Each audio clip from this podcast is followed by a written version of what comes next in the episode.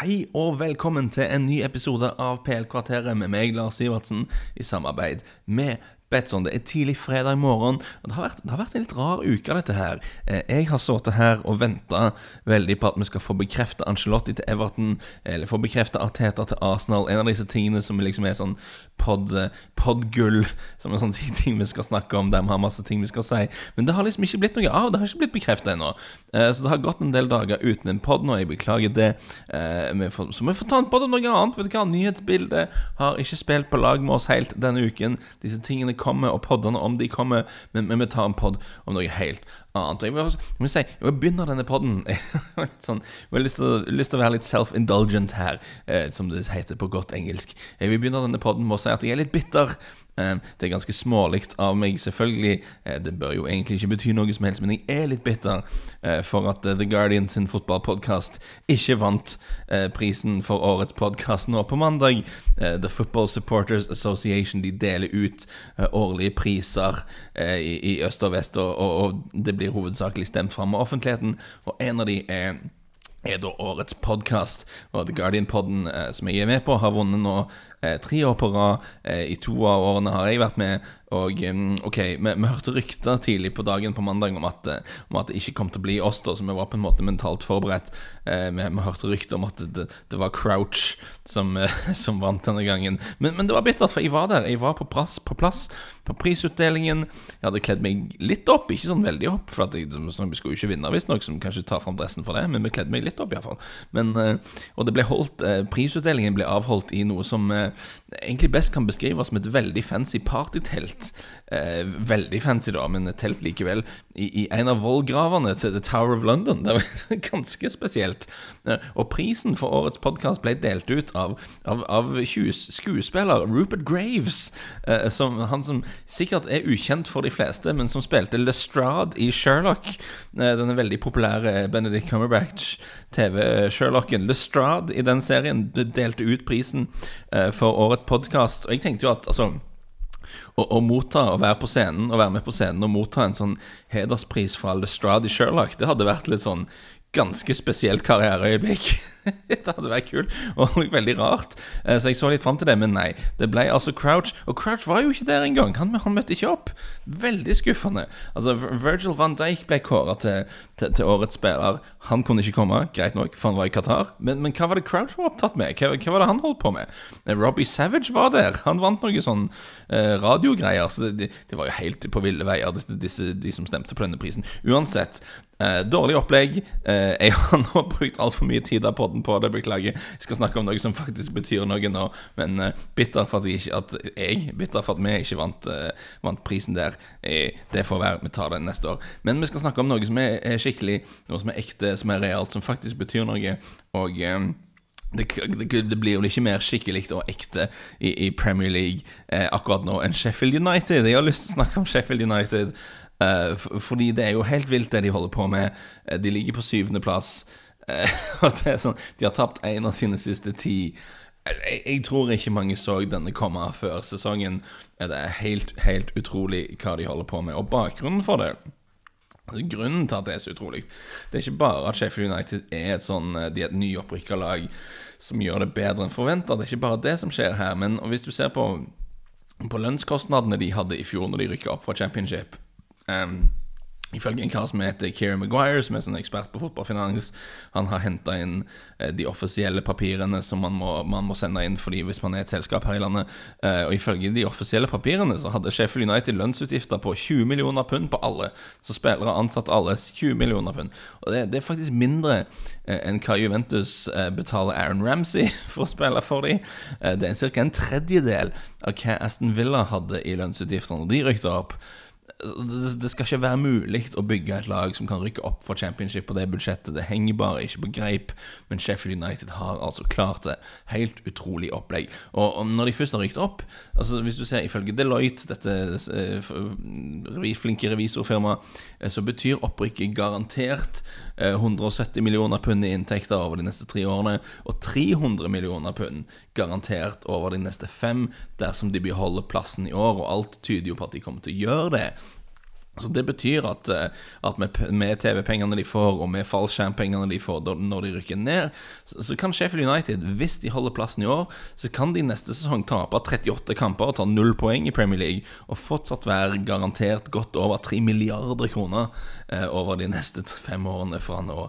Eh, og Det er altså basert på en spillergruppe med, med 20 millioner pund i lønnsutgifter. Det, det er helt sinnssykt. Um, selvfølgelig litt mer utgifter denne dette sesongen, for de kjøpte litt spillere og de har brukt litt penger, og sånn, men det er jo ingenting uh, satt opp imot det klubben kommer til å hanke inn. Og det har selvfølgelig med mye mer å gjøre om akkurat disse pengene. Og Beklager om jeg snakker for mye om pengene, det er liksom ikke det mest um, romantiske og koselige med fotballen, det, men det er en faktor, og det er noe som jeg syns setter prestasjonen til Sheffield United litt i perspektiv her. Du kan se det som kanskje er enda heftigere, er at hvis du går tre år tilbake siden, så spilte Sheffield United i League One. De var ikke i Championship, de var på nivå under.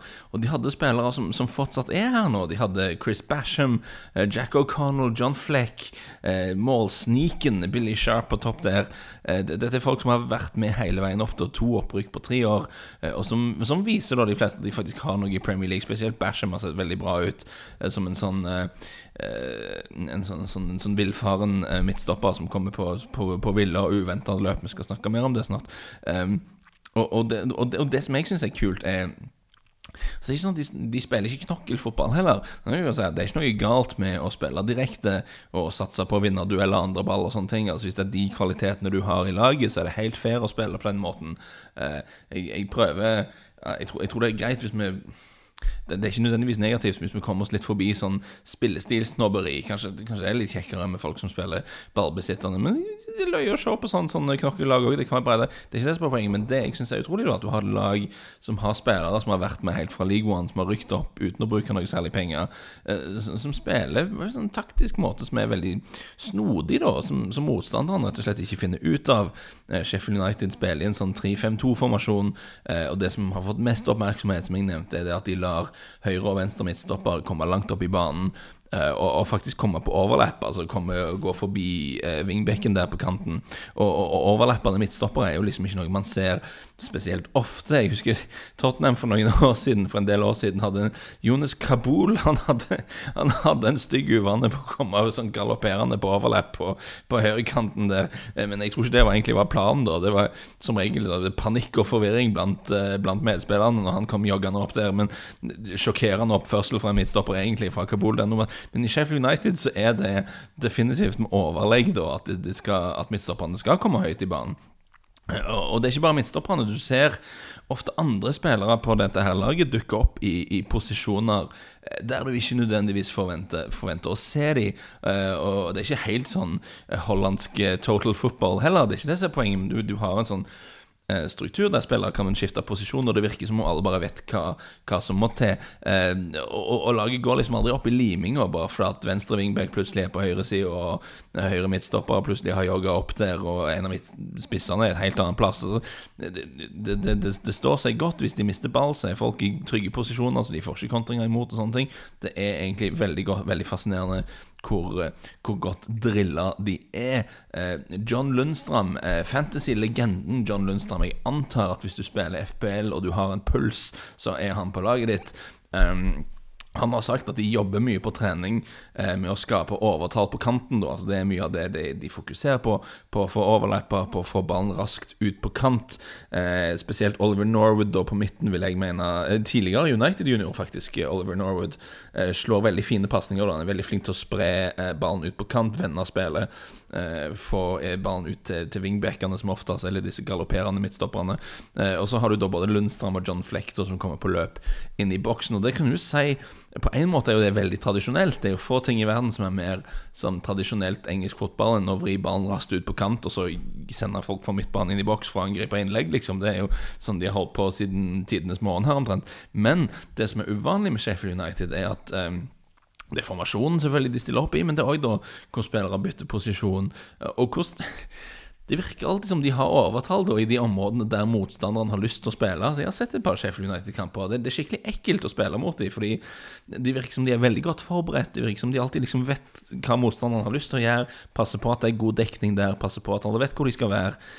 Bare et utrolig bra drilla lag, rett og slett. Og mye av det har med manager Chris Wilder å gjøre, mistenker jeg. Eh, jeg vil argumentere for at det er få managere i England som har utretta mer eh, de siste ti årene enn Chris Wilder. Og det høres kanskje vilt ut, for dette er en mann de fleste av oss ikke hadde hørt om før i år. Jeg hadde ikke hørt noe særlig Jeg hadde sikkert ikke Tror ikke jeg egentlig visste noe særlig om han før i fjor. Men hør her, ok Så han leder Oxford til, til, opprykk fra Conference National til League 2. Han leder Northampton Town opp, til opprykk fra League 2 til League 1.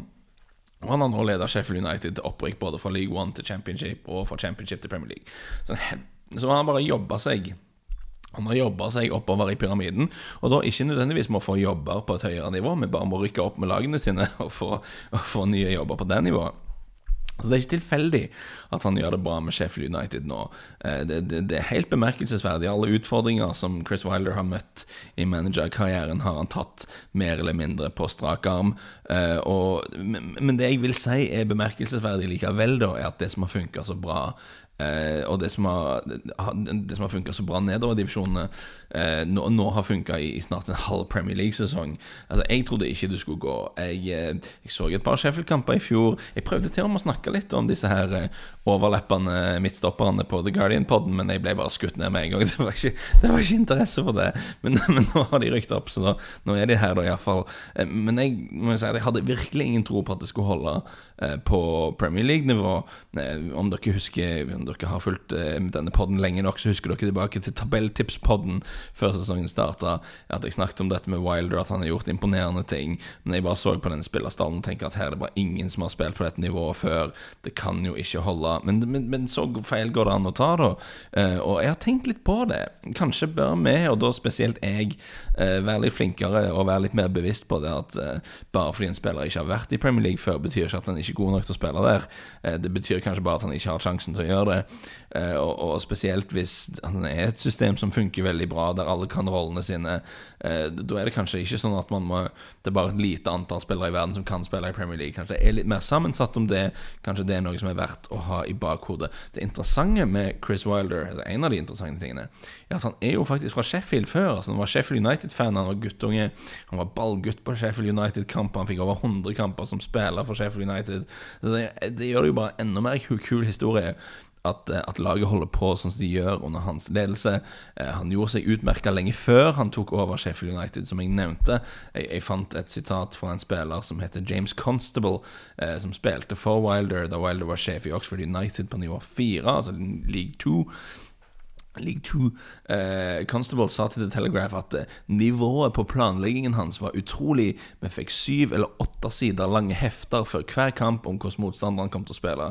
Eh, og på det nivået var det helt utrolig, og det gjorde en enorm forskjell. Og Jeg tror de fleste kan tenke seg at jeg tror ikke det er sånn at alle trenerteam på, på League 2-nivå forbereder seg så godt til hver kamp.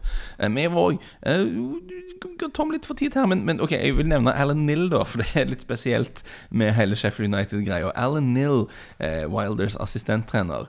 Eh, han er tidligere Halifax Bury, eh, Scunthorpe og Rotherham-spiller. Så da har du ikke sånn skikkelig sånn lavere divisjoner-karriere i England. Mellom, mellom, 2008 og 2011 var Nill eh, selv manager for Bury, og da ansatte han faktisk Chris Wilder som sin assistent.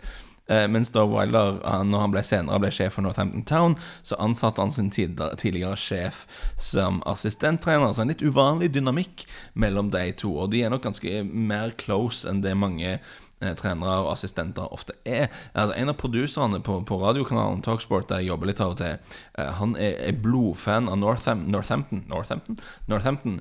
Eh, og han følger de da hver uke, har en del kontakter i klubben, har veldig god kontroll på hva som skjer, for det er ikke en så stor klubb. Eh, og ifølge han da så er det Alan Nill som er mye av hjernen eh, bak det taktiske. Iallfall når Wilder var i Northampton, så var Alan Nill en fyr som gjorde veldig mye viktig arbeid med å jobbe med hvordan, skulle, hvordan struktur de skal ha på laget, jobba mye med dødballer, treningsopplegg og sånne ting.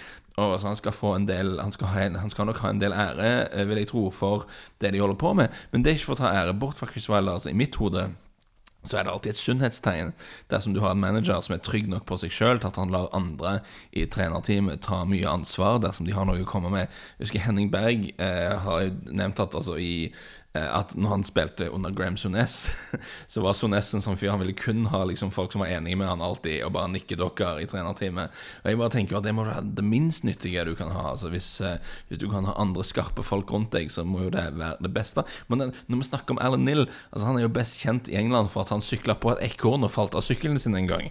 Det, er sant. Han, han sykla på et ekorn og bare falt sånn over rattet, eh, og har sagt etterpå at han var liksom Han sa etter ekornulykken at han var sånn redd når nå skal han miste livet.